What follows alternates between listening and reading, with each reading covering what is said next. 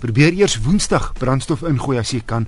Petrol daal dan met 22 sent per liter en diesel met tussen 23 en 25 sent per liter. Die wêreld se vinnigste motor, die Bloodhound SSC, gaan oor net meer as 'n jaar sy toetslopies op Hakskeenpan in die Noord-Kaap begin. Die uiteindelike doel is om die wêreldspoedrekord van net meer as 1200 km/h te verbeter. Trouwens, die Bloodhound wil sommer baie vinniger ry. Justin Kennedy het by die projekbestuurder Richard Noble gaan uitvind hoe hulle vorder. What we're doing is basically designing and building the car. We have some 200 companies who are making the parts. And uh, so we design the parts, we stress the parts, we sign off the parts. They then go off to uh, the, the various companies. Parts come back to us. When they come back to us, uh, we check them to make sure that they're accurate. Um, and then if they are accurate, then basically we assemble them uh, to the car. Richard Noble sê die motor se onderdele word op verskillende plekke gebou. Dit maak dit makliker vir die ingenieurs om noodsaaklike toetse op individuele onderdele te doen. Uh, this is very important so that we can at finally attach all those modules together at the last minute. This means that you can work on these different modules independently of other parts of the car and therefore you can proceed a lot faster. So we've got a lot of modules going on at the moment now. And if you went to the workshop today, you would see uh, the main frame there, you would see the carbon fiber uh, tub with the front end, you would see the cockpit. You'll start to see the suspension components, big suspension components coming in.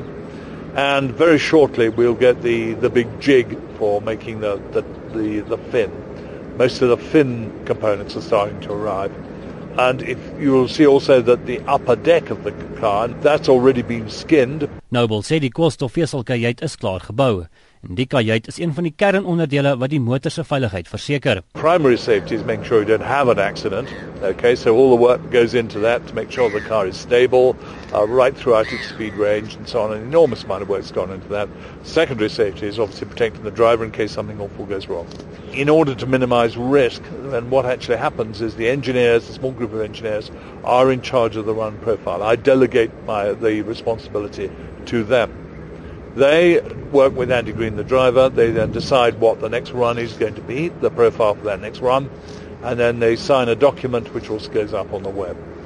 Okay, and if we can't get the engineer's signatures, um, somebody disagrees, then that run doesn't take, take place until such time as we get everybody's signature. Een van die vrae wat in jou gedagtes opduik as jy na die Bloodhound kyk, is hoe hy teen 1600 km/h op die grond bly as daar geen sigbare vlerke is nie. The problem basically here is that the loads increase as the aerodynamic loads increase as the square of the speed. Therefore any of these sort of wings and so on could develop enormous downloads, 15 or 20 tons at these very high speeds. Any aerodynamic effects we have like the little winglets, canard winglets for the front and the little winglets for the tailplane, are there purely as trimmers. The other thing to bear in mind too is we have to deal with the supersonic airflow and its shock waves, and the shock waves are very high pressure waves. If we find a way in which we can stabilize the shock waves, make sure we don't get any shock waves actually underneath the car, that's theoretical. Um, we've got to prove that. This is um, totally innovative stuff. It's never been done before. The aerospace industry can't do this. The motor race industry can't do this. Uh, you know, we're right out on our own. Noble sê die voordeel van hul navorsing is dat vliegtuigvervaardigers baie daaruit kan leer. Dit kan lei tot vliegtye wat verder vlieg op minder brandstof. Noble skat die hele projek gaan hulle sowat 40 miljoen Britse pond kos. We all believe it's worth it. We believe that uh, you know we're creating something very very special. We believe that we're going to create a very large number of scientists and engineers both here and also in the UK, which is what it's about. The sponsors believe that and the sponsors believe it's worthwhile and that's why they're financing us. We have a sacred duty to deliver on this. Die Bloodhound projek het ook 400 plaaslike skole betrek om belangstelling in die wetenskap en ingenieurswese onder jong kinders aan te wakker. We're making all the data available. We're uh, making opportunities for them to come and see the car being being run and um, hopefully this will result in a large number of um, South African engineers and scientists which you which you guys need really badly just like we do in Britain. Die bestuurder van die Bloodhound, Andy Green, is volgens Noble derentyd betrokke by die projek, alhoewel die ingenieurs die meeste van die werk doen. Die Bloodhound sal met 440 liter brandstof 'n afstand van 20 km in minder as 2 minute aflê. Ek is Justin Kennerly in Johannesburg. Mens moet versigtig wees met uitlatings soos dit is die beste kar. Elkeen het mos maar sy of haar eie ervaring en mening.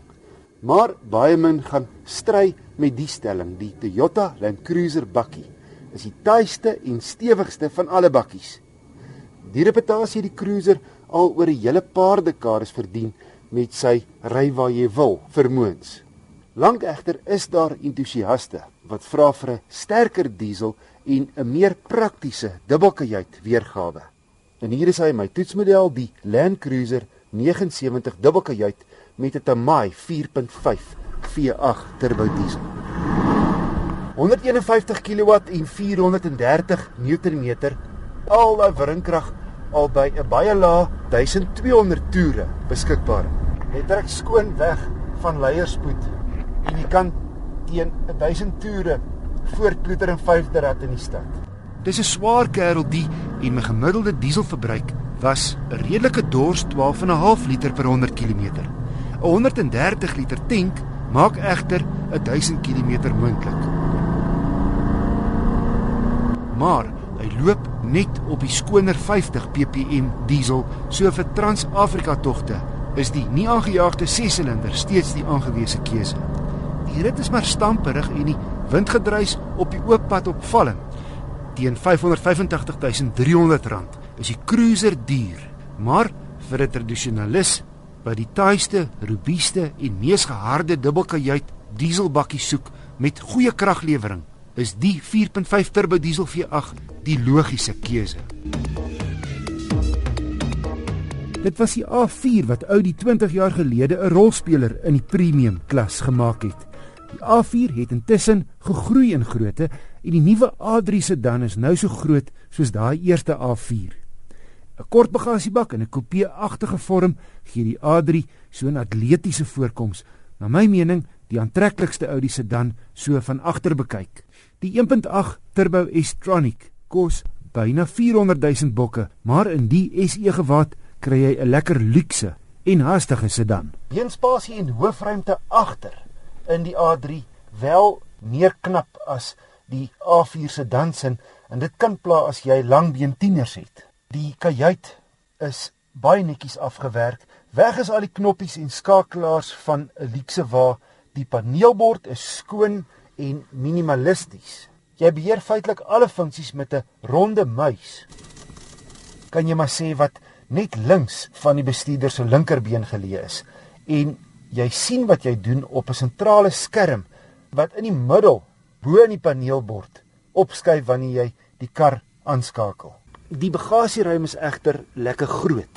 Die spaarwiel heel onder is een van daai dun Marie beskuit tipe.